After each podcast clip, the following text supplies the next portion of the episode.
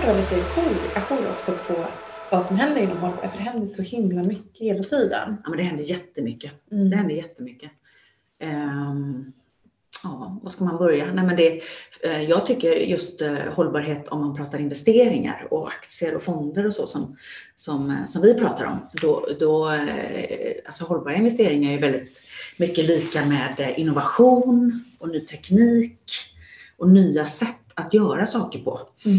För allting handlar ju om att om vi ska fortsätta att leva exakt som vi har gjort, då förbrukar vi de resurserna som, som finns och då finns mm. det ingenting till våra kommande generationer. Mm. Så att någonstans hållbarhet för mig och för många är ju liksom att, att kunna fortsätta och, och äta och leva, köra bil, resa, bo, eh, göra allting som vi gör Fast eh, det finns ju nyare, effektivare och bättre sätt att göra det på. Så att vi faktiskt tänker på nästa generationer. Mm. Men bara kolla ut här på gatan. Alla de här parkerade bilarna. Ja. Alltså boendeparkeringen. Det finns aldrig något utrymme typ för, att, för att hitta en parkering. För att det är så mycket bilar som är parkerat. Och hur ofta används de egentligen? Hur ofta används Precis. Och hur många sitter i bilen samtidigt? Ja. Medan de används? Ja. Det är liksom, men det är som i, många av er har säkert åkt runt i USA tidigare när man eh, åker, det finns den här filen där man är, om man är fler än en person i bilen så får man åka en gräddfil. Alltså, mm. Och det händer typ, man ser det, det händer ju inte. Väldigt få bilar i den. ja, det är lite så. Nej, men det är ju, det är ju faktiskt galet eh, vad det kostar och och den här liksom rätten att äga en bil som bara står hela tiden. Jag är själv en sån person. Bor jag utanför stan så då är det svårare med, med bildelningstjänster och sådär. Men hela delningsekonomin bidrar ju till eh, cirkulär ekonomi. Det är också ett sånt här begrepp som jag, som jag gillar, cirkulär ekonomi. Hur man, hur man faktiskt kan, eh, kan dela och fördela resurserna bättre. Mm. Istället för att ha de här bilarna som bara står och står. Mm. Ja, nej men eh, bra. Vi börjar dra ihop oss. Vi ska dra igång exakt livepodden om en, om en tre minuter ungefär. Bra, då får ni komma ihåg att ställa en massa frågor. För det blir så mycket roligare om vi... Det här ska inte vara någonting där vi sitter och pläderar. Nej. Det är vi nog av ändå hela under veckan. Mm. Så det här är bara roligare. Desto mer frågor och större engagemang från er som tittar, desto roligare. Och eh, det är intressant liksom hur man hur man, ehm, hur man har förändrats. Jag tänker att när jag började investera själv mm. eh, hade jag ingen tanke på att ens addera något hållbarhetsperspektiv på mina investeringar.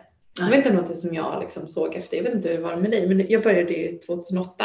Ja. Eh, men när var det egentligen ungefär som man började prata om hållbarhet? Måste det liksom, att det blev så här godtyckligt att liksom alla pratade ja, om det? precis. Eh, jag vet att jag började sommarjobba, det är jättelänge sedan, på Robur mm. 97 när jag pluggade på universitet. Och då fanns det ju något som hette etiska fonder och något etikråd och då var ju Robur typ det är säkert många som tycker att vi var först och sådär, men de var ju faktiskt först. Och det var ju lite sådär väldigt eh, osexigt och någonting som man hade så var det liksom ett tick in the box. Ja, men vi har något som är etiskt. Mm. Fine, bra. Mm. Och nu pratar man ju aldrig etiskt längre, mm. även om eh, ESG och hållbarhet är ju massa etiska aspekter i det såklart. Mm. Men eh, där var väl liksom upprinnelsen tror jag. 90. Men, men det som är hållbarhet idag, eh, jag skulle säga... Var det ett resultat också? Det var i efterdyningen av den krisen som uppstod i början på 90-talet? Man... Ja, men det skulle jag säga eh, att, att, att det var. Men också för att det, eh, det var lite grann mänskliga rättigheter och Eh, också jämställdhet, att, det skulle, att alla skulle ha samma möjligheter, vilket ju utvecklingen från då till nu går väldigt långsamt, mm. som vi alla vet. Men jag skulle säga att det är upprinnelsen. Och sen det som är hållbarhet, som vi pratade idag, någonstans för, för oss i finansbranschen med hållbara investeringar så, så skulle jag säga att det började någonstans på riktigt 2015 ungefär. Mm. Mm. För det var också då man, man eh, de här eh, man skrev under liksom Parisavtalet och, och eh, liksom de globala målen föddes. Och, då blev det helt plötsligt konkret? Då blev det konkret. Mm. Är det det här vi ska uppnå? Liksom, vad är Agenda 2030? Och nu vet inte jag om jag svänger mig med termer som man inte har hört innan, men ett och ett halvt graders målet och två graders målet och där. Då blir det konkretiserat mm. och man faktiskt skriver på någonting. Att, ja, men vi vill vara med och bidra. Mm. Sen har ju finansbranschen och fonderna fallit lite under radarn. Man har kunnat kalla vi jobbar så, vi är gröna och lite hur som helst. Mm. Det har mm. inte varit någon ordning. Mm. Att, uh... Och det blir det ju mycket stor förändring på nu i, med, i det gemensamma regelverket på europeisk nivå i alla fall. Ja, ja men det blir det faktiskt. Med taxonomin. Ja. Mm. Som vi också kommer att prata om. Mm. Hörni, vi är igång. Vi har redan kommit in på det här. Det finns så otroligt mycket nyanser eh, och vi är så taggade på att få sitta och prata med er eh, om investeringar och eh, jag skulle vilja presentera oss ännu en gång. Har inte gjort det tidigare i den här, nu när vi är live. Och jag heter Mikaela Berglund, jag är VD på Feminvest. Jag älskar investeringar. Jag vill med allt vad jag gör just nu bidra till att du som är intresserad och nyfiken och vill lära dig får möjlighet till att snappa upp massa ny kunskap runt eh, ekonomi eller företagande har vi också som en del av vår verksamhet på Feminvest. Och eh, eh, jag har bjudit in en expert för att jag ville liksom ta det här tillfället i akt att, att eh, lära mig själv också eh, och även få dela liksom, kommentarer från en som verkligen sitter med det här med hållbara investeringar. För du är ju hållbarhetschef Sara mm. Elsäter på Coeli. och du förkovra dig i, ja. hållbar, i hållbar, vad hållbara investeringar är för någonting. Ja, ja. men jag gör det. Jag, tycker, jag har ju faktiskt världens roligaste jobb. Jag säger, man ska inte vara rädd för att komma och jobba i finansbranschen trots att det är så icke jämställt och allt det här som vi kommer in på.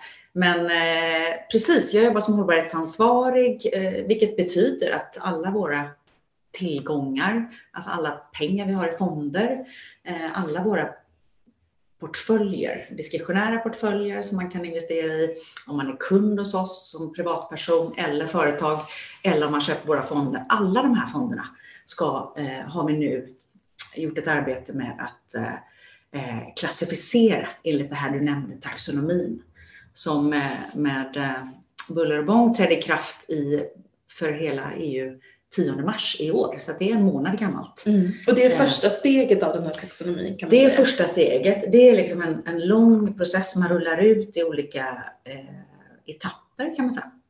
Eh, från och med eh, mars 21 fram till januari 23. Och man kan säga att hela anledningen, hela, hela varför man gör det här, det är ju för att EU har satt ner foten och man vill som kontinent säga att vi vill eh, bidra till eh, Agenda 2030 och då kallar man det EU The Green Deal. Och då vill man eh, att finansbranschen med allt kapital eh, Storlek förpliktigar och med kapital kan man vara med och påverka. Man kan bestämma faktiskt vilka företag som ska gynnas, alltså få kapital och vilka som ska missgynnas. De som inte är med och ställer om. Mm. För det, allting handlar ju, som för massa år sedan när man pratade digitalisering kanske, eh, brukar jag tänka. Eh, och inte minst nu. Exakt, i, i, det, är så här, det tar tid. Det är en resa. Ja. Det är en resa. Och det handlar inte om att alla ska göra rätt och alla ska vara så hållbara och man får bara eh, syssla med sånt som, som värnar om eh, naturtillgångar och miljön och sådär. Utan även de som har massa tillgångar i liksom fossila bränslen, och i olja och är fast i gamla produktionsmönster Eh, man kan investera i dem också, men man vill eh, ta upp eh, transparens till ytan. Mm. Man vill säga, berätta.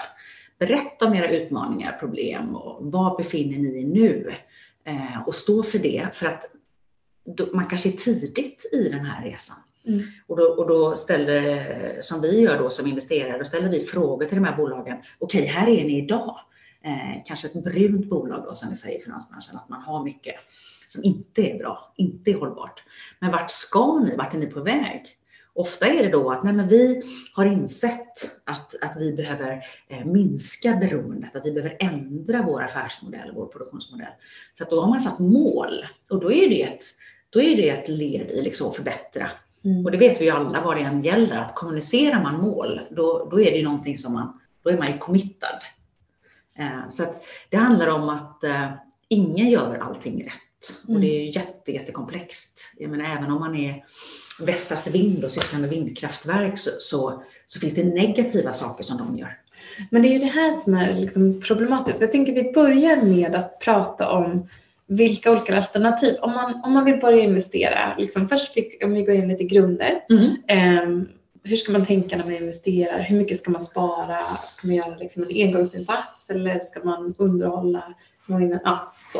Ja. Och vi kanske, jag tror att vi, jag, jag läste någonstans på typ Avanza att här, en av de största eh, riskerna som man tar som investerare idag är att man bara köper en typ av aktie eller en typ av fond. Fond är mycket bättre då i så fall. Men eh, jag, tror, jag skulle verkligen vilja uppmuntra unga investerare att eh, titta på och bygga liksom ett alternativ av investerare i en portfölj eh, för att minimera risken att ha exponering mot ett enda bolag eller så. Ja. Eller hur? Absolut.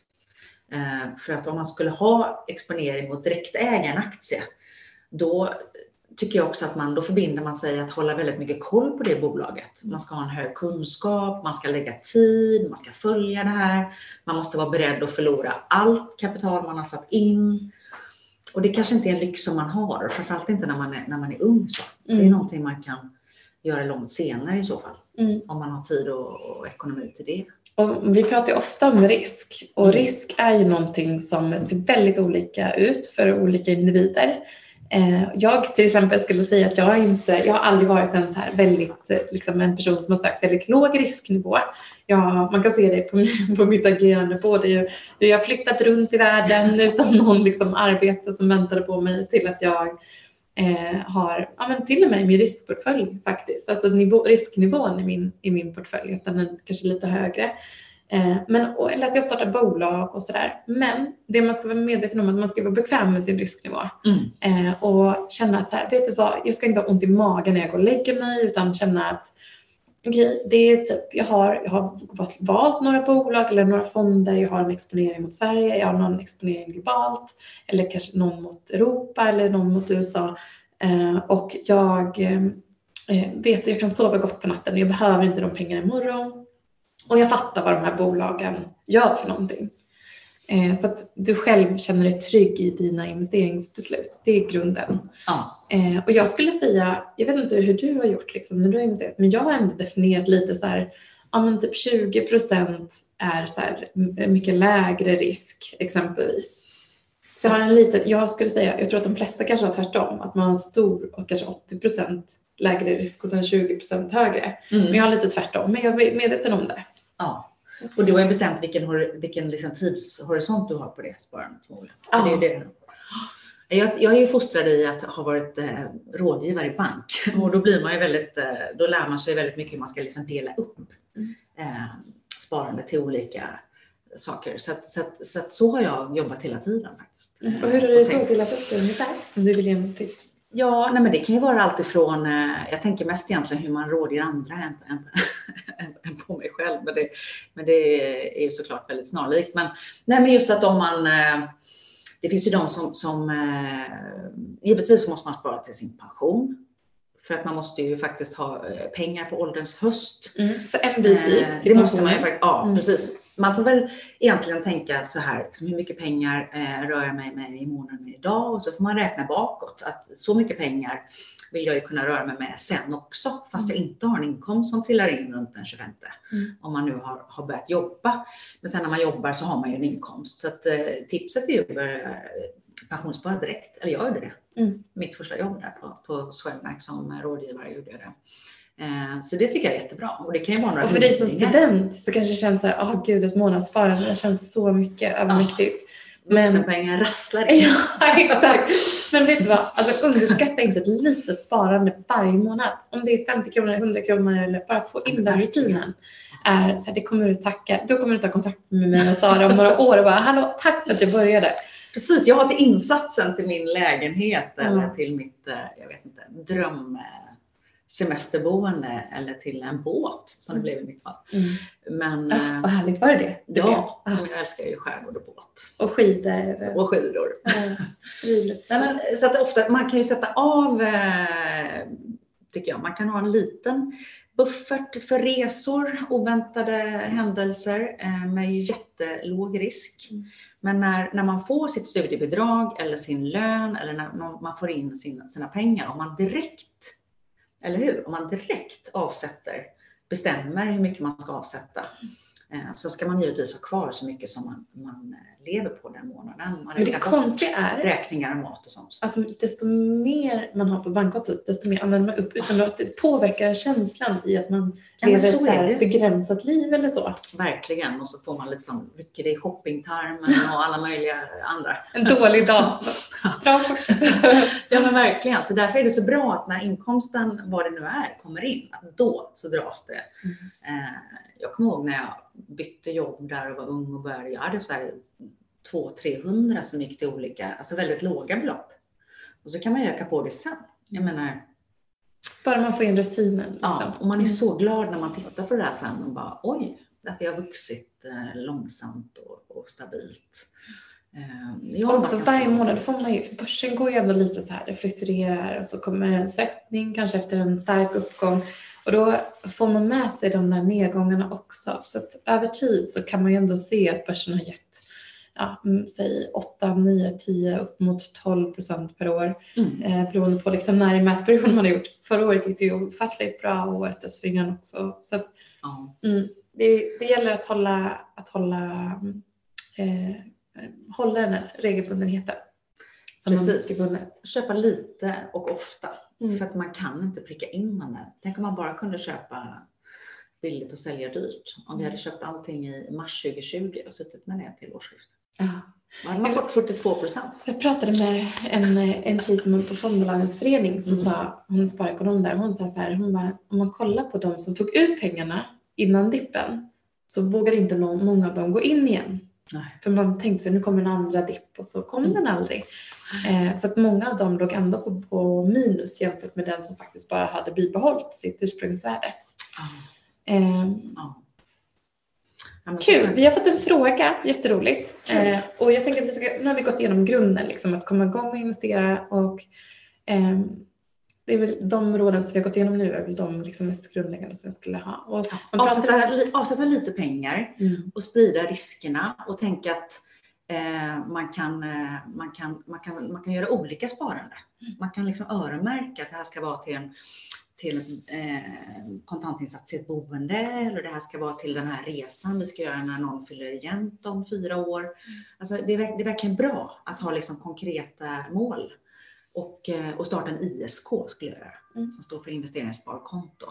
Så slipper man eh, stökiga redovisningar och, och skatter och så. Det är enkelt. Det är väldigt smidigt. Ja, ja. Googla och läs om ISK. Så du har nu en schablonskatt på det kontot. Mm. Eh, jättebra. Då är det så här, många av de som är säkert är här idag vill så här, och förstå det här snåriga som du nämnde från början. Vad är hållbara investeringar? Eh, hur kan jag tänka när jag investerar hållbart? Och jag brukar faktiskt säga att man kan tänka på tre sätt. Grundläggande, så får du så här, korrigera mig om jag har rätt eller fel. Eh, ett, att hållbara investeringar kan vara att du aktivt väljer bort allting annat som inte bidrar till en hållbar eh, liksom effektiviserar hur vi använder energi eller hur vi äter. Alltså allt att fokuset ska vara att hela tiden innovate på ett sätt som man väljer bort allt ifrån ja, vapen, eh, tobak, pornografi och relaterat, spel, gaming och sånt. Eh, och sen så väljer man kanske, ja, som du sa, vindkraft, eh, det som är liksom de, de mest hållbara affärsmodellerna så att säga. Eller så kan man tänka, de här bolagen är inte där än, de är inte hållbara, men de är på väg dit. Ja. Eh, och så kan man investera utifrån den synpunkten. Eh, eller så kan man ju också välja att eh, eh investera i mm, liksom, trender så som är på väg att bli. Just det, det kan man ju absolut. Och ställa om. Ja, mycket sådana här tematiserade fonder Exakt. som vi gillar. Och, ja. I fondbranschen. Vad tänker du? Nej, men jag, jag håller med dig helt. Eh, för att det är jättekomplext eh, för oss som, som jobbar med hållbara investeringar att, att, att förstå vad det är. Eh, det finns ju många som har jobbat som kapitalförvaltare och fondförvaltare i, i många, många år och som nu känner att nu är det kraven från kunderna. Man vill veta om jag köper den här fonden så förväntar jag mig att få en avkastning. Och då kan jag läsa vilken riskprofil den här fonden har och ungefär vad den förväntas ge mig. Men vad kan, vad kan den ge mig mer? Mm. Är jag med och påverkar? Jag, får jag någonting annat när jag köper den här fonden? Och det är, den, det är det ansvaret som ligger på oss nu i branschen. Att hur, hur gör vi det enklare? Mm. Hur förklarar vi och hur berättar vi och hur gör vi det enklare för vanliga sparare som, som är liksom kunniga och duktiga på sina områden att investera i fonder? Eh, och det är precis där nu som hela branschen faktiskt är i en jätteomstöpning. Eh, och eh, som, som vi pratade om innan du och jag, så är hela syftet tror jag man enkelt kan förstå. För det handlar om att vi kan inte fortsätta, alltså företag i, i samhället och i länder, de tjänsterna och produkterna som, som utgör samhället idag. Om vi fortsätter i invanda gamla mönster så kommer vi att, att, att förbruka resurser och inte göra det, eh, inte liksom ha nästa generationer i åtanke. Mm. Så det handlar om hur kan vi göra allting bättre och hur kan vi ha mer, ja, men mer empati. Mm. Som nu hela pandemin accelererar ju och hjälper hela hållbarhetsarbetet, tycker ju många av oss och jag är en av dem. Och det har man ju sett också i flödet av kapital under ja. föregående år, att det, det, flö, det, var en väldigt stor andel som gick till mer hållbar, eller hållbarare investeringar, ska vi säga i alla fall. Mm. Ja, och det förväntar ni ju från till exempel världens största kapitalförvaltare som heter Blackrock Eh, om man tittar på deras prognoser, de här liksom stora, stora som har så mycket pengar. Eh, och även, eh, jag lyssnade på AP-fondernas etiska råd. De förvaltar ju våra pensionspengar. De förvaltar alltså 3000 miljarder kronor. Det är så mycket pengar. Och de säger ju det att det förväntas trippelt öka till 2025 bara med, mm. med hållbara investeringar. Så att det nästan blir så att, att, att eh, man vill inte investera i någonting som inte är hållbart. Och där är det också mycket unga, alltså alla ni eh, och unga generationer som har andra krav. Man vill någonting mer. Man vill ha eh, liksom finansiell avkastning, för det är därför vi avsätter pengar som kommer in den 25 och får stoppa in i olika sparande för att vi vill ha avkastning. Vi vill ha mer pengar längre fram. Men vi vill också bidra till någonting bättre. Vi vill liksom do good. Eh, och det, det, är en medvetenhet som ökat. Och hur gör man då? Jo, eh, alltså som privatperson är det ju det, det är svårt. Det är jättesvårnavigerat. För det man gör om man går in på Avanza eller Nordnet eller alla de här plattformarna som är återförsäljare av olika fonder och sparprodukter, då, då märker de eh, och eh, berättar liksom hur, vad får du om du köper den här fonden? Och då har det ju varit olika, olika märkningar genom åren. Men nu då, sedan en månad tillbaka, med den här nya jättekomplicerade eh, regelverket, eh, e EU-taxonomin då, eh, då kan man kategorisera sina fonder, eller man måste kategorisera sina fonder och säga hur jobbar den här fonden? Som till exempel de fonderna som, som jag representerar, då har vi valt att kalla alla våra fonder för ljusgröna, eh, artikel 8, och då heter det att man främjar miljörelaterade och sociala egenskaper. Och då tycker man så här, men, men vad det säger Det låter ju väldigt byråkratiskt. Ja, det är väldigt fluffigt, apropå svårt, och mina kollegor också. Men vad är det du säger egentligen? Kan du vara mm. lite mer konkret? Eh, och jag vet inte om ni är bekanta med ESG? Nej, men tycker vi tar det. Ja, ESG och hållbarhet är ju, för oss är det ju lite same same, men det står ju för environmental, social och governance. Och det är ju då miljörelaterad, alltså samhällspåverkan, klimatpåverkan är det första.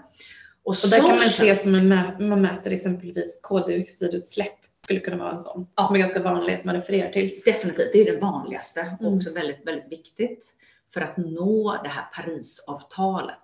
Eh, och det sociala, det är ju då mänskliga rättigheter, mångfald, inkludering och jämställdhet. Men det skulle också kunna vara, jag såg ett fastighetsbolag exempelvis som riktar in sig på utsatta områden. Mm. Att bygga eh, liksom, trevliga områden för social gemenskap som är, liksom, ska vara tryggt och Absolut. Ja, bygga ett typ hus med den utgångspunkten att faktiskt säkra en tryggare miljö än vad det varit tidigare. Så.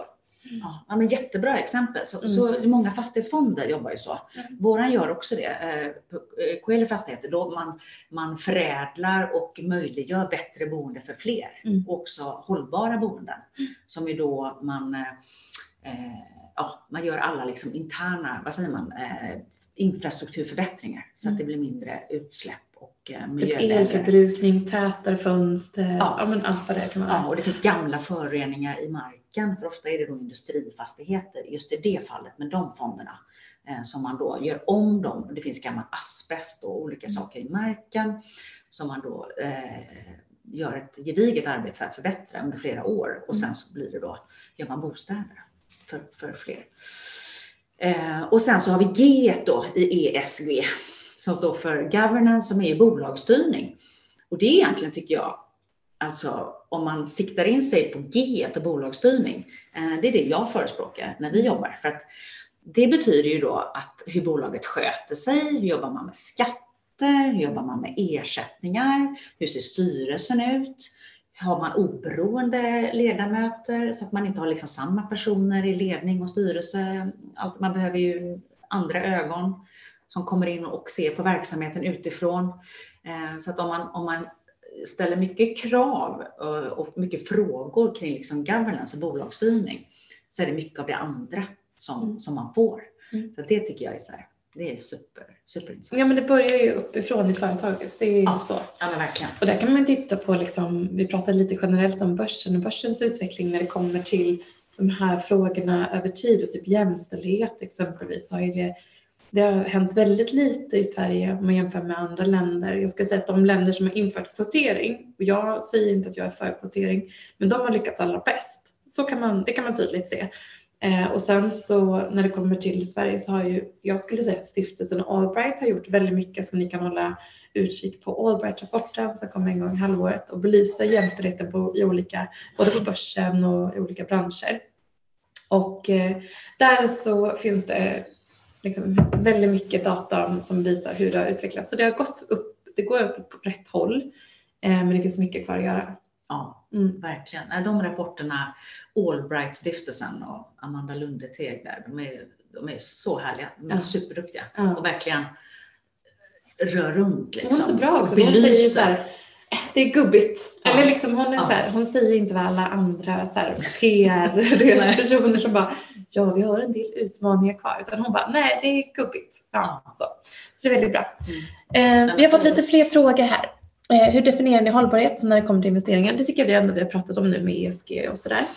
Mm. Mm. Sen går det ju att utveckla. Det, går, det finns ju så himla mycket att, att säga. Så tycker det är bra att det kommer frågor för, för att det är ju fortfarande svårt. Mm. Om du sitter och, tänker så här, men jag vill investera hållbart.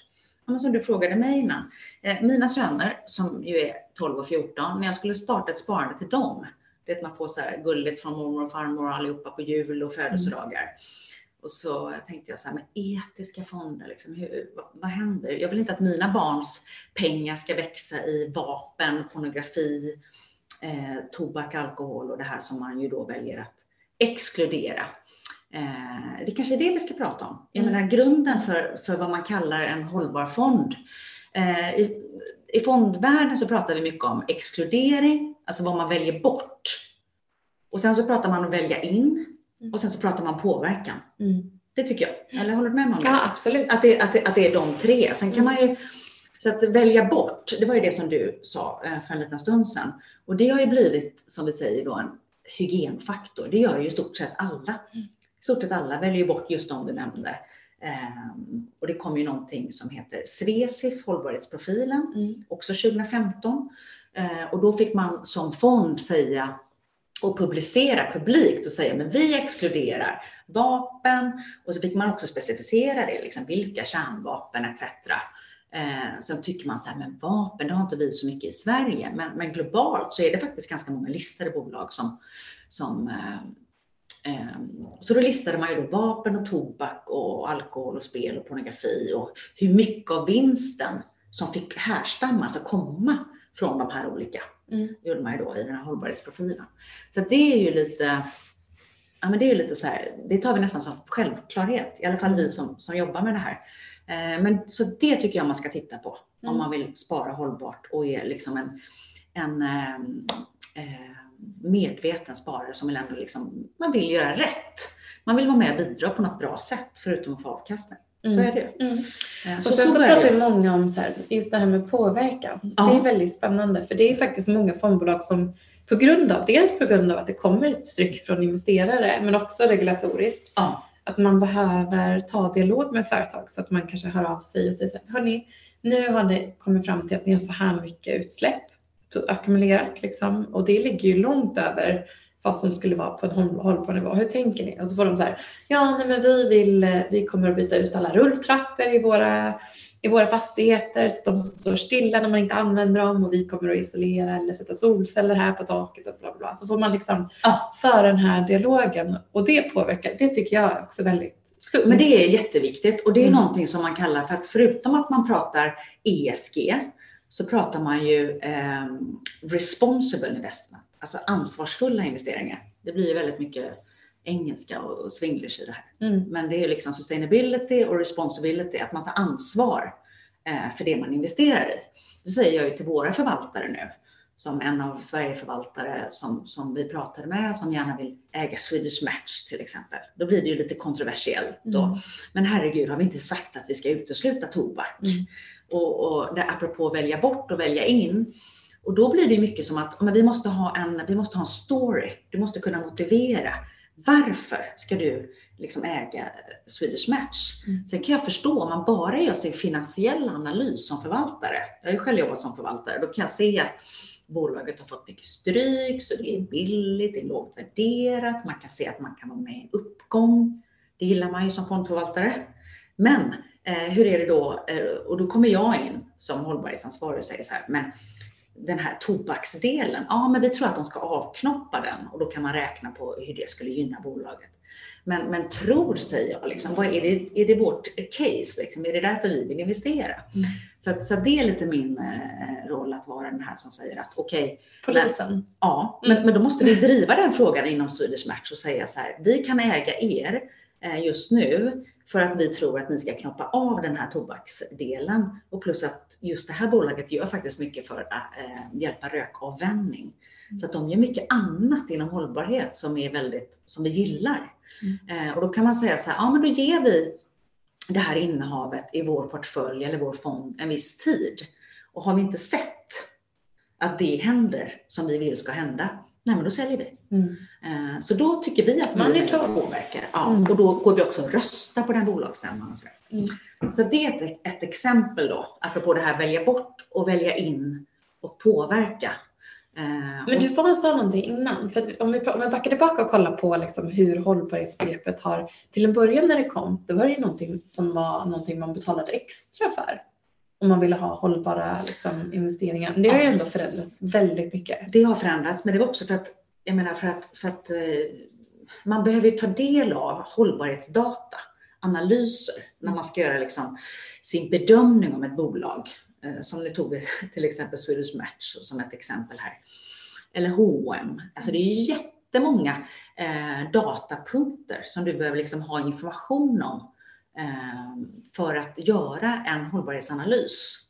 Eh, och det kostar ju pengar. Mm. Alltså du måste ju, det är ju eh, liksom hela big data, alltså ha, ha bra data, eh, ha bra information eh, är ju liksom nyckeln i det här. Mm. För att vi kan ju inte, jag menar, om- om du vill äga Facebook, jag menar det är inte så att du kan driva ett påverkansarbete mot Facebook om du inte är AP-fondernas etikråd som har lyckats med det ju. Mm. Eh, de har ju förbättrat villkoren för anställda till exempel. Och det faller ju under S då i ESG som är ju social till exempel.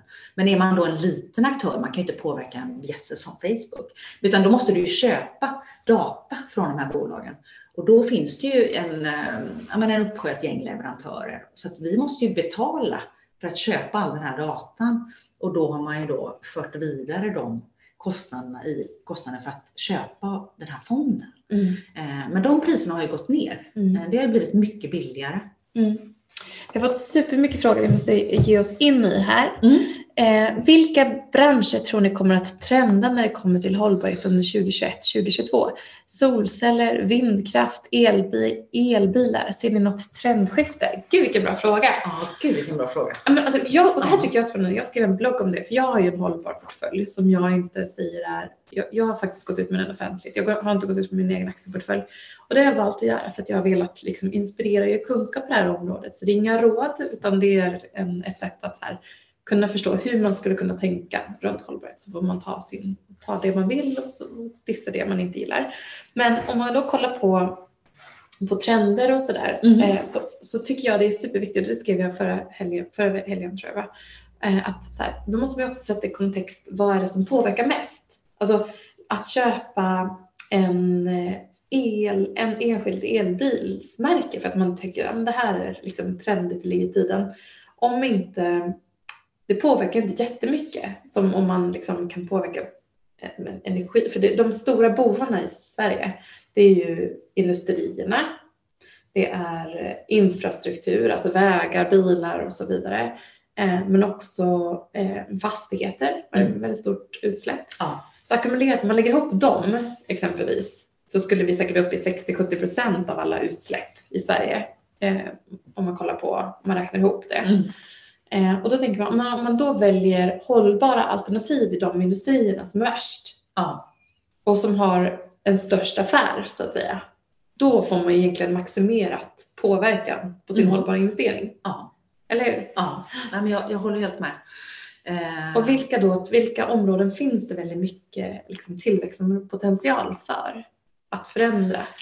Det, ja, alla de här vi nämner, men, men, den frågan, jag menar vi är ju redan i en, vi är ju i en form av, tycker jag i alla fall, jag vet inte vad du tycker, men hållbarhets-ESG-bubbla. Mm. För att eh, som vi säger då i, i, i branschen vad det gäller när bolag är, är dyra och sådär, det, det är ju redan premiumvärderingar på, på de här typiska ja, Vestas Vind och Tomra System som, som då har en, en liksom hållbar affärsmodell när det är liksom verkligen så inkorporerat i, mm. i affärsmodellen att man bidrar till en uh, cirkulär ekonomi. Uh, och som Teslas aktie till exempel, vad är den upp 800 procent mm. på två år och sådär, det är helt galet. Men, men så att det, det är redan en sån bubbla. Men men också energi, för jag menar, du ska solceller då, det är ju såklart, det bidrar. Men det ja. finns ju så många andra alternativ också inom energi, för det kommer inte räcka med solceller bara. Utan då kan man kolla, får man kolla på vatten, eh, vind, eh, man får kolla på vätgas har ju varit i, i ropet också. finns eh, den typen av liksom alternativa energikällor för att komplettera solceller. Vi behöver mycket ren energi framåt. Mycket ren energi behövs. Eh, och sen är det så att många av de här bolagen som får den här liksom premien som utger sig för att vara väldigt hållbara. Alltså det finns ju också nu ska man inte vara så pessimistisk, men det finns ju också problem med dem. Så det är ju inte bara att, eh, att de gör allting bra, utan det är därför det är så viktigt tycker jag att titta både på E, och S och G, Eh, för att det är så mycket med med eh, hur, hur, alla de här samspelar, hela ekosystemet runt ett bolag. Mm. Jag menar Vestas Vind då, som har fått, eh, som jobbar ju med vindkraftverk, de har ju fått kritik för att man inte eh, man förstör vissa eh, biologiska aspekter om man ska se till naturtillgångar i, i områdena runt om. Så det är ingen som vill ha en det är ingen som vill ha liksom en vind på bakgården. liksom in the backyard, utan det kan vara någon annanstans och det är väldigt bra och jag kan köpa det. Men det, men det är ju, eh, så det finns ju, skrapar man lite på ytan, eh, hela elektrifieringen av alla bilflottor och även båtar ju, som du och jag snackade om innan. Eh, det finns ju också, jag menar, batterier, hela, hela den komplexa, mm. hela den komplexa frågan med, med kobolt och, och liksom mineralutvinning. Det räcker inte med den batteriframställning som vi gör idag. Um, och, och hela, hela, gruvindustrin måste ju accelerera. Vi måste ha in jättemycket mer gruvnäring uh, och göra den för att kunna liksom tillfredsställa och förse branschen med så mycket batterier som kommer krävas. Så mm. det är mm. inte heller hållbart. Uh, där är vi inte. Mm. Så att, Ja, det, det är komplext. Ja. Det kanske jag förvirrar mer än vad jag men, men det vi kan säga om man, ska, om man är opportunistisk som investerare så är det absolut så att liksom, regulatoriskt eh, kraven på hållbara, liksom, eller, eller att kunna rapportera att man jobbar hållbart i Europa medför ju en påverkan över hela världen. Alltså även, för kapitalet har ju inte, det rör sig inte bara inom Europa utan det, det här kommer ju verkligen att smitta av sig och det har vi sett Biden också. Eh, Absolut. Att han har ju valt en mycket mer hållbar eh, fördelning av kapital nu Verkligen. i sin budget. Ja, mm. absolut. Det var ett, en, en seger för hela hållbarhetsvärlden faktiskt. Eh, nej, men det är det som är så bra med, apropå hållbara investeringar igen, om vi går tillbaka till eh, märkningen av fonder och sådär. Så alla fonder då som kallar sig, eh, det finns ju fyra kategorier. Mörkgröna är de fonderna som, som eh, vill verkligen driva förändring av en specifik bransch. Eh, det finns till exempel vissa energifonder som vill då eh, liksom accelerera till, till transformationen till förnybar energi som man kan då kalla för mörkgröna. Då måste de uppfylla de kraven. Och det här är enligt nya taxonomin? Enligt nya taxonomin, ja mm. precis. Eh, och då från och med januari 22, så det har vi inte sett än, då kommer de här fonderna som är mörkgröna men även de ljusgröna att behöva visa. Man kommer alltså behöva illustrera, dels i diagram men även i, i skrift hur jobbar den här fonden för att främja och vilka mål har de? Mm. Så vi har satt mål med alla våra fonder. Du har att göra med andra ord. Ja, men vi har väldigt mycket att göra, men det är väldigt roligt för det är också så här, eh, älskar det här uttrycket som jag hörde häromdagen i, i eh, alltså finansiell avkastning. Det är ju självklarheter, det har man jobbat med i finansbranschen sedan urminnes tider. Men planetär avlastning. Ah, jag älskar det. Att det ska vara liksom både finansiell avkastning och planetär avlastning. Det får du komma ihåg. Mm. Den har jag stulit. Ja, Still with pride bra. från Handelsbankens fonders VD. Som, de är ju superduktiga på hållbarhet. Mm. Eh, så att jag tycker så här, vill man investera hållbart och är intresserad av att börja fondspara eh, så det kommer, alltså det är en månad gammalt eh, och det blir liksom en, det är faktiskt lite revolutionerande i den här ganska stelbenta eh, branschen där det inte händer så himla mycket alltid. Men det, ska, det kommer bli lättare att investera hållbart för att det kommer bli mer transparent. Det går inte längre att gömma sig under någon form av label. Ja, men vi är en grön obligation eller våran fond är grön. Ja, men vad mm. innebär det? Vad är, vad är en grön fond? Jo, nu måste du visa som våra fonder på Coeli, eh, vi är lite nervösa för nu har vi sagt så här, vi ska vara ljusgröna. Vi gör hållbarhetsanalyser och motiverar alla våra innehav. Eh, det är inte så att vi kan ha ett finansiellt case med, där vi har en kalkyl som man har haft i urminnes tider, mm. utan vi måste också ha hållbarhetsrisker. Mm. Ja. Eh, och hela portföljen då. Om vi tar ett exempel. Eh, vi tar ett exempel med, med fond X som har 30 innehav. Då kommer du behöva visa, innehav är ju ett företag, så att om en fond har 30 stycken aktier i sig, mm. då kommer du behöva visa hur många av de här bolagsinnehaven i din fond eh, bidrar till ditt mål med fonden. Mm. Eh, det vanligaste målet man har satt nu, eh, man spionerar på alla i branschen, det är ju att man har satt minskat CO2-avtryck som mål. Och då kan man tycka så här, men hur mäter man det? Jo, det går in, då går man in och gör klimatrapporter för varje fond. Det har jag suttit gjort nu hela, hela Q1. Så konsulter som jobbar med klimatoptimering, liksom, ja. de har att göra? Ja. Om det finns några börsnoterade sådana. Exakt. Och jag ska inte utveckla det här för att det blir jättetekniskt och eh, jag kan prata om det här i timmar. Men man behöver alltså göra en sån Eh, mätning. Mm. Liksom, vilket avtryck har den här portföljen och fonden idag? För att sen ha jämföra med. Och då kanske det blir så här, men gud, har vi, liksom, är det sämre sen? Mm. Och du ska kalla det ljusgrön? Nej, men det kommer inte att, att, att lira. Utan nu blir det mera, eh, man ska liksom minska den här liksom High Chaparral-diskrepansen, att man kan kalla sig vad som helst. Mm. Så det kommer bli lättare att jämföra. Det blir mycket tuffare krav för oss i branschen, mycket tuffare krav. Eh, det går inte längre att, att bara liksom, eh, kalla sig någonting, utan du måste kunna visa och berätta. Hur jobbar du med hållbarhet? Vad är en hållbarhetsrisk? Eh, det får man ju frågor på från mm. förvaltare sen. Men vad då hållbarhetsrisk? Finansiell risk vet jag vad det är. Men vad är en hållbarhetsrisk? Jo, men det kan ju vara att eh, som Volkswagen för några år sedan till exempel, där det gick upp flera miljarder i, i, i rök på, på eh, på börserna där man då hade, hade ett Ja, jag kan inte den storyn helt och hållet faktiskt, vad det var som var mm. fel där då. Men då hade man inte kalkylerat och det var helt liksom, orimliga utsläpp och man fick böta massor och man fick dra tillbaka jättemånga modeller och det var ett stort liksom, fiasko. Ehm, så att hållbarhetsrisker idag måste man kalkylera in och vi måste alltså eh, verkligen bokföra hur, hur vi tänker med våra investeringar på ett annat sätt.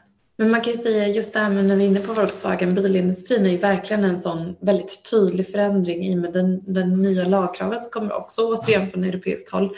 Då har vi Tyskland som är liksom eh, en otroligt viktig ekonomi i Europa och som har en väldigt stor eh, ekonomisk centrering runt fordonsindustrin. Eh, och eh, den omställningen till liksom, elektrifiering, eh, oavsett om det finns baksidor runt batteri, framställning, kobolt och så vidare, eh, så, så är det, det finns absolut ett business case för den som är snabb i den omställningen och lyckas ta marknadsandelar. Ja, så kan man ju säga.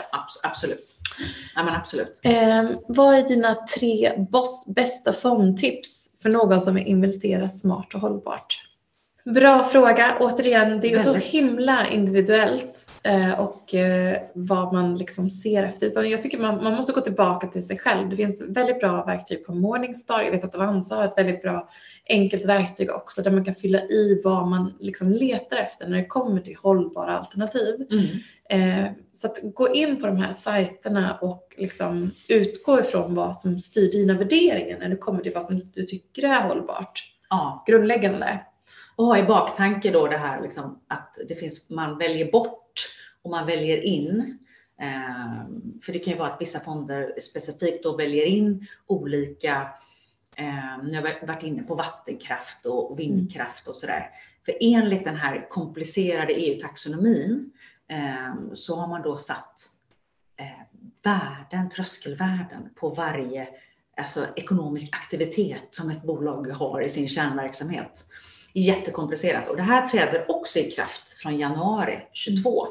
Så att det här är liksom ett pågående arbete som alla vi håller på att eh, läsa in oss på och liksom lära, hur ska vi efterleva det här? Mm. Hur ska vi, och allting är, det är ett enda syfte är att det ska bli enklare att investera hållbart.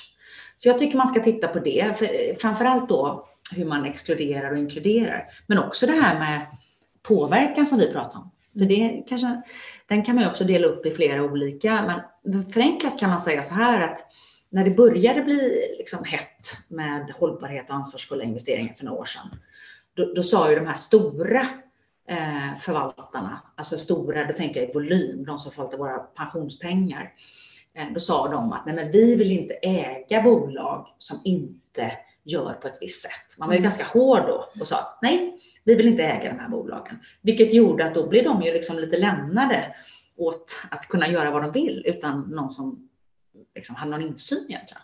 Vilket är ju sämre så att nu då är, är det verkligen eh, trendigt och hett att göra precis tvärtom. Att äga de här bolagen och vara med och driva på deras omställning. Då. Så att försöka påverka dem att fatta bättre, långsiktiga, affärsmässiga, hållbara beslut. Men bara tänk Norge som har ett, är ett land som har fått enorm avkastning och liksom gått med vinst som land över många år på grund av oljan. Att nu i omställningen eh, ställa om och säkerställa en hållbar ekonomi framåt. Man har förlitat sig på en, en naturresurs så till den grad. Och där så ser vi till exempel nu att de, den här oljan då har genererat så mycket kapital över tid som de nu eh, nu så är det faktiskt så att kapitalet i sin tur som de har placerat runt om i världen ger mer i i eh, vinst tillbaka årligen mot vad oljan har gjort. Så de har liksom jobbat så att de ska kunna eh, reducera då eh, beroendet utav. Men det, det, är liksom, det är ett otroligt arbete. Det är ett otroligt arbete. Alltså, mm. Snacka om eh, transformation. Ah. Ja. Eh, vi har fått flera frågor. Mm. Eh, vad tror ni om Handelsbanken Hållbar Energi? Den har toppat mycket den senaste tiden. Mm. Tror ni att den vänder upp igen? Bra fråga. Jag har inte tittat på den i det sista, men jag skulle säga att det har ju varit så i början av det här året att de bolagen som har gått extremt bra under föregående år, eh, tillväxtbolag och så vidare, tillväxtbranscher, mm. har, backat, mm. har backat tillbaka lite under eh, och även en del hållbarhetsområden har backat tillbaka mot fördel av mer värdebolag. Man pratar om banker, mer traditionella företag, så fastighetsbolag och så vidare. Och det här har ju liksom, så det har varit en liten en förändring under årets första månader. Eh, om man tror på hållbar energi så får man gå in och titta i innehavet i den här specifika fonden mm. eh, och se vad det är för typ av energi som liksom, de här bolagen tar fram. Eh, om man tycker att det är en, en bra vikt gentemot de olika branscherna. Det finns en hel del olika liksom, eh, mm. inriktningar därunder. Eh, och så får man sammanväga det mot vad man själv tror eh, och kanske läsa på lite som jag sa, så här, solenergi, eh, vindkraft, alla de här, det ger det jättemycket energi. Det krävs väldigt mycket mer. Vi är inte så att vi skulle kunna stänga ner kärnkraftverk och gas och så vidare idag och säkerställa att vi bara kan klara oss på hållbar energi. Det har varit ganska tydligt när vi fick importera elektricitet här för inte så länge sedan bara i Sverige. Ja till följd av vår, att vi själva har försökt att liksom agera mot ett mer hållbar energiframställning. Mm. Så, att, eh, så läs på eh, och eh, fråga fondförvaltarna skulle jag också säga. De är ofta ganska tillgängliga och finns ju där för att besvara era frågor. Ja. Jag ska bara säga på, på den frågan just om handelsmarknadsfonder.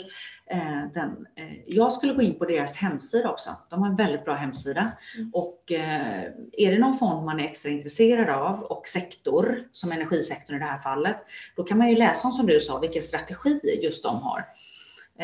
Vi har ju andra energiförvaltare hos oss och de har ju en annan strategi, en kort lång strategi där man liksom går kort bolag som man tycker då eh, eh, har till exempel för mycket fossilt beroende och så går man lång, alltså köper bolag då som, som är med och driver på omställningen mot eh, alternativa källor. Eh, så att man kan också prenumerera på månadsbrev. Mm. Jag tycker förvaltarna skriver ju, det är väldigt kul att läsa om man är liksom road och, och vill följa en fond lite mer nära. Bra så tips. gå in och prenumerera på deras eh, månadsbrev. Mm. Eh, gröna teknologier är ett område där det sällan finns golden standards. Med andra påverkas företagen av den snabba utvecklande teknologin. Mm.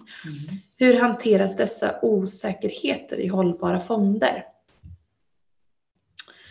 Ja, bra. Det är också en bra fråga. Eh, fråga. Och det är väldigt varierat skulle jag säga också. Eh, vi har ju sett en framfart. Det har verkligen varit en gyllene liksom tid för den här typen av eh, företag. Men det ligger också väldigt mycket, alltså behovet, det är ett skriande behov på den här typen av, alltså vi ligger så långt efter. Om du kollar på Agenda 2030 exempelvis, vi klarar inte av att uppnå det, de, det målet som de som vi har signat under på, att, jag säger de, men det är faktiskt vi som, som ja. länder, vi är i allra högsta grad med där. Mm. Eh, så att det finns eh, oerhört mycket mer att göra när det kommer till att effektivisera. Så det är väldigt olika hur fonder hanterar det. Um, ja. Har du något exempel på hur ni gör exempelvis för att hantera den risken av deras så ny teknologi, risken med den? Ja, nej men precis. Eh, det jag tänker på eh, genom att jag eh, att man konsumerar så mycket liksom, nyheter och, och media om hur alla andra gör också. Vi har inte rena tech-fonder så, även om vi har mycket teknologi i våra fonder. För att jag menar, ny teknologi och eh, innovation är ju liksom hållbart i sig, för att det mm. innebär ju ofta att man kan göra saker på ett effektivare, alltså bättre resursutnyttjande rent krasst. Eh, vilket är ju hållbart i, i sig. Men de här bolagen då som växer väldigt fort och eh, har ju gått väldigt bra på börsen, många av de här nya techbolagen, där halkar man liksom efter i, i det här som är S och G ofta. Mm. Eh, tycker jag. Jag tycker det här uppmärksammade fallet nämnde vi det med Facebook, tycker jag var mm. så intressant. Eh, nu är inte de så nya, men det är verkligen ett techbolag, man är så här digital native, man är en del av de här stora, största techbjässarna i vad det gäller börsvärde i, som vi har i världen.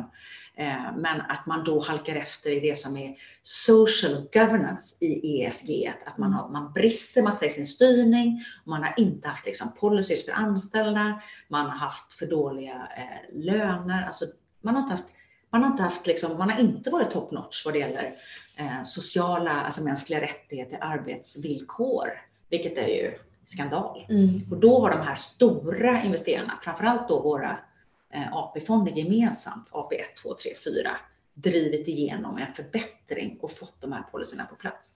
Och det är ju fantastiskt. Jättebra exempel. Och sen så tänkte jag också med, när det kommer till den här ny typ, ny typ av teknologi, att eh, en, en, annan viktig aspekt är ju att jag tror att många av fonderna inte vågar gå in i den typen av ny teknologi som, eh, som inte har en intjäning.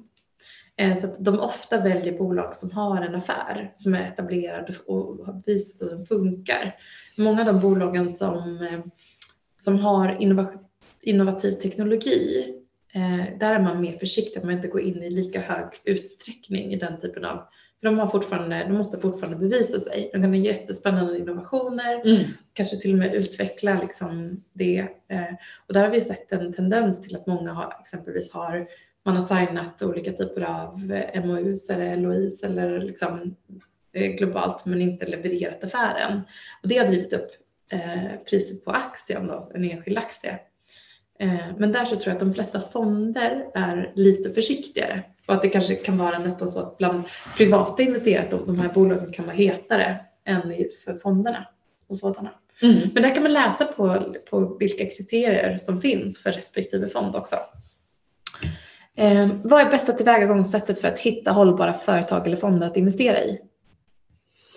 Ja, nej men det är väl tillbaka till de här märkningarna tänker jag som vi har pratat om. Och eh, när jag säger märkningar, det är ju så många olika så det är ju förvirrande även för oss eh, i och med att det, det sker en, en, förändring. Så nu eh, lyssnade jag på precis innan påsk här. Eh, eh, just den här liksom ljusgröna och mörkgröna märkningen kommer vi se mer av och de fonderna då vi pratade ju om fyra nivåer, mörkgrön om man driver en förändring, eh, ljusgrönt om man är med och främjar vissa uppsatta mål som man också behöver förklara.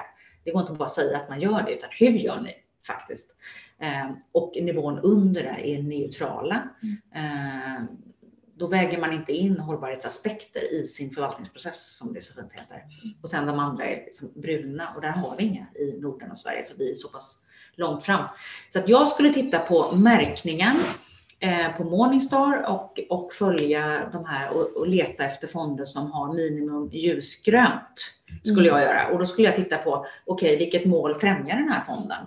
Eh, vad är jag med och bidrar till? Det finns ju vissa där som har gått väldigt långt. Mm.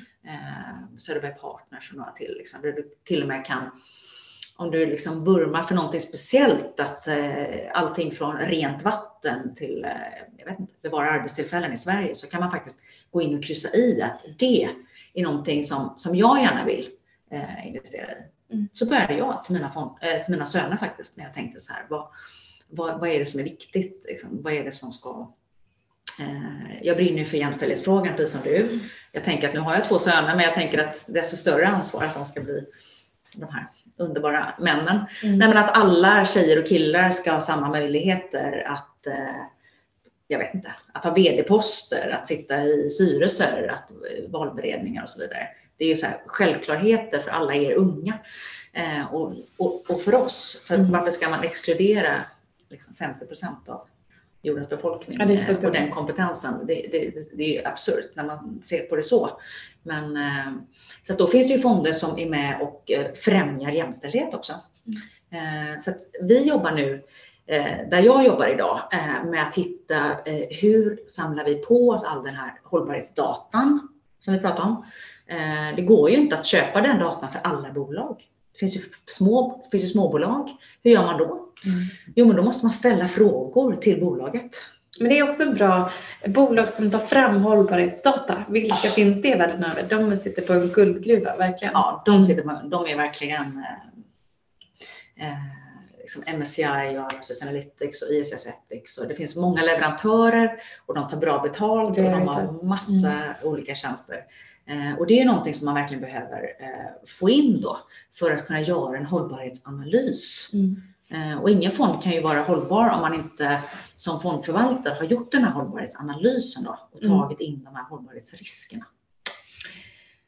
Bra svar. Vi har några frågor till. Vi tar dem lite snabbt för det börjar dra ihop sig här. Um, rekommenderar ni att använda ISK i alla lägen? Eh, mm, det är ett bra, jättebra alternativ. ISK, du betalar en låg schablonskatt som baseras på statslåneräntan. Eh, men om det är så att du, du tänker att du kommer ta risker som medför förluster i enskilda aktier eh, så kan en aktiedepå vara, där betalar du 30% skatt för vinsten eh, men du kvittar också förlusterna med, så du kan dra av på samma sätt. Och jag hade faktiskt bara här, jag satt häromdagen och min egen privata deklaration hade gjort en förlust på, som tur var, på en aktiedepå. Och så kunde jag dra av lite skatter.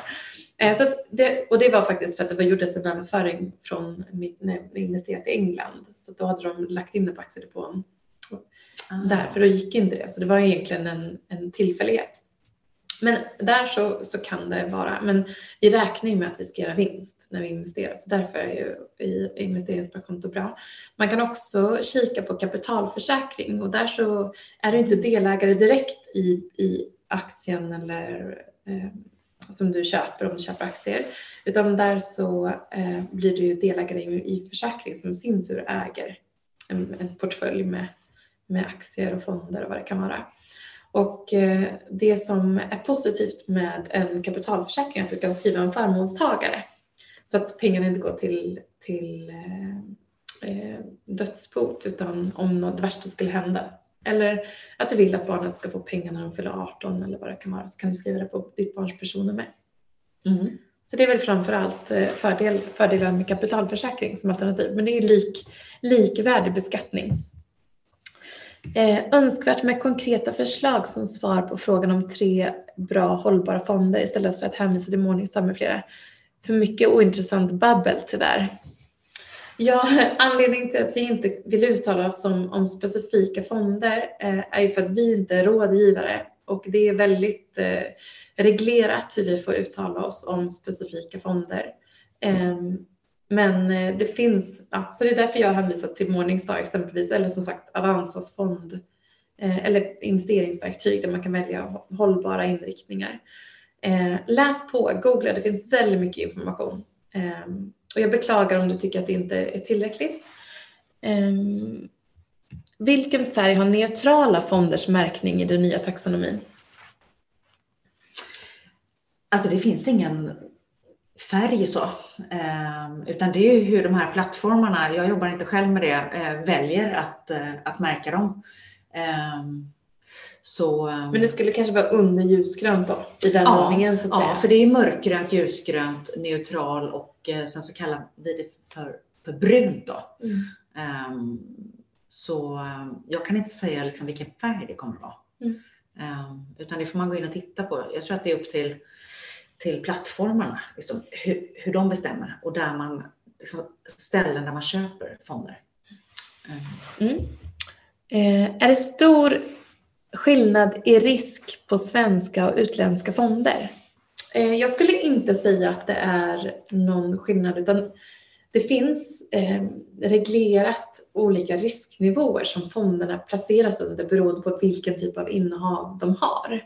Eh, så det finns exempelvis ett bolag som har, går, går runt av sig självt, som genererar vinst varje år, som har haft en ökande vinst, har inte lika stor risk som ett bolag som utvecklar en ny teknologi eh, och inte har tjänat några pengar än.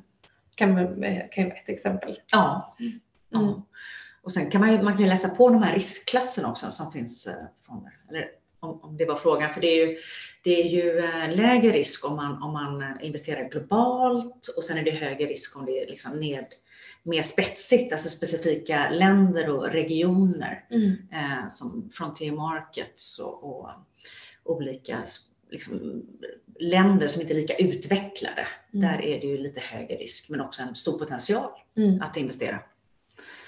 Eh, och sen så, så där kan man ju säga att så, så om du tycker, det står fler liksom olika typer av diversifieringsfilter du kommer igenom, om du får exponering mot olika typer av valutor, mot olika typer av politiska styrningar, mot olika typer av branscher, eh, om du investerar regelbundet så du får tids, eh, du kommer in vid olika tider. Desto fler sådana här boxar du tickar, desto lägre risk kan man säga som, som en, eh, ja. och sen så ibland så brukar jag säga så här, men vinstdrivande bolag som ökar i omsättning år för år är en ganska bra eh, indikation på att det, det är i alla fall ett bolag som eh, har framtiden för sig och som håller liksom, i, sig, i sig och ansvarsfullt tar hand om, om eh, sin affär.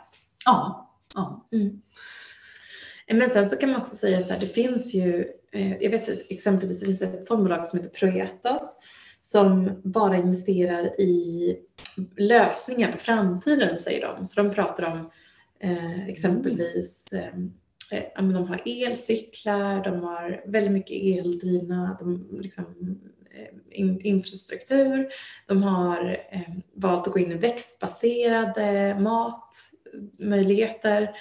Mm. Eh, så att det, där får man verkligen landa i vad man själv tycker är viktigt. Det finns också jämställda som bara tittar på jämställdhet som är det, som Kinvest eller mm. eh, den typen av exponerar man om man verkligen vill placera sina pengar där man vill säkerställa att det finns så mycket kvinnor som möjligt. Ehm, ja, det finns många olika sätt att tänka. Ja, verkligen. Och också vilka trender man tror på själv. Alltså vilket, vad man är intresserad av och vad man väljer liksom att, eh, att läsa om och eh, hänga med i nyhetsbevakningen. Jag menar bara det här eh, speciella året som vi har bakom oss nu 2020. Alla de som jag tänker på eh, vår globalfond som, som till exempel satsade mycket på att ha logistikföretag och e-handelsbolag när alla skulle sitta hemma och man skulle jobba på ett annat sätt och inte, för att inte tala om alla Microsofts tjänster och sådär. Microsoft-aktien när alla ska sitta och jobba digitalt och man ska helt plötsligt ha en helt ny generation och målgrupp som ska bara handla på nätet. Mm. Förutom alla vi som gjorde det innan. Mm. Eh, så kan man ju liksom, säga sig själv då att de här bolagen får en rejäl skjuts. Så att eh, bara sån fundamental analys och vilka trender som råder är väl jättehett. Som Vatten nu. också tycker jag är superspännande just med inte bara liksom, eh, tillgången till rent vatten men vilka är det som faktiskt säkerställer att vi har, får en, ren, en rening av vatten som mm. används tidigare eh, och distribution av det vattnet och så vidare. Det, mm. ja, det är också någonting som, det, vi blir fler och det ökar ju Absolut. pressen på våra eh, begränsade naturtillgångar. Men trender då? Resebolagen och flygbolagen och sådär? Mm. Vad tror du, kommer alla sitta där och trycka på köpknappen? Bara, nu är majoriteten vaccinerade och alla har ett uppdämt behov av att boka hotell och resor och flygbolagen kommer att sticka iväg. Tror du på det? Ja, jag tror de har redan börjat göra det. De har redan börjat göra det. Mm. Uh, men vi, ja, det återstår att se. Det kommer att ta en tid innan innan resandet återgår till det normala igen. Jo, men det kommer det göra. Men sånt tycker jag också man kan läsa väldigt bra i de här, eh, de fonderna man är intresserad av. Bevaka dem och läs de här eh, månadsbreven. Förvaltarkommentarer kallar man det ibland. Man kan liksom hänga runt på, på Lannebo, Carnegie och Handelsbanken och de här eh, sajterna. Och eh, då läser man jättemycket. Och då ser man också vissa förvaltare som verkligen nosar upp och eh, är oerhört framåtlutade och intresserade, de hittar ju de här och de går in i tid, kanske i de här olika specifika trenderna, så man slipper ta de riskerna själv. Mm. Och köper du då lite i en sån fond varje månad, då är du ju med. Så det är mitt bästa tips.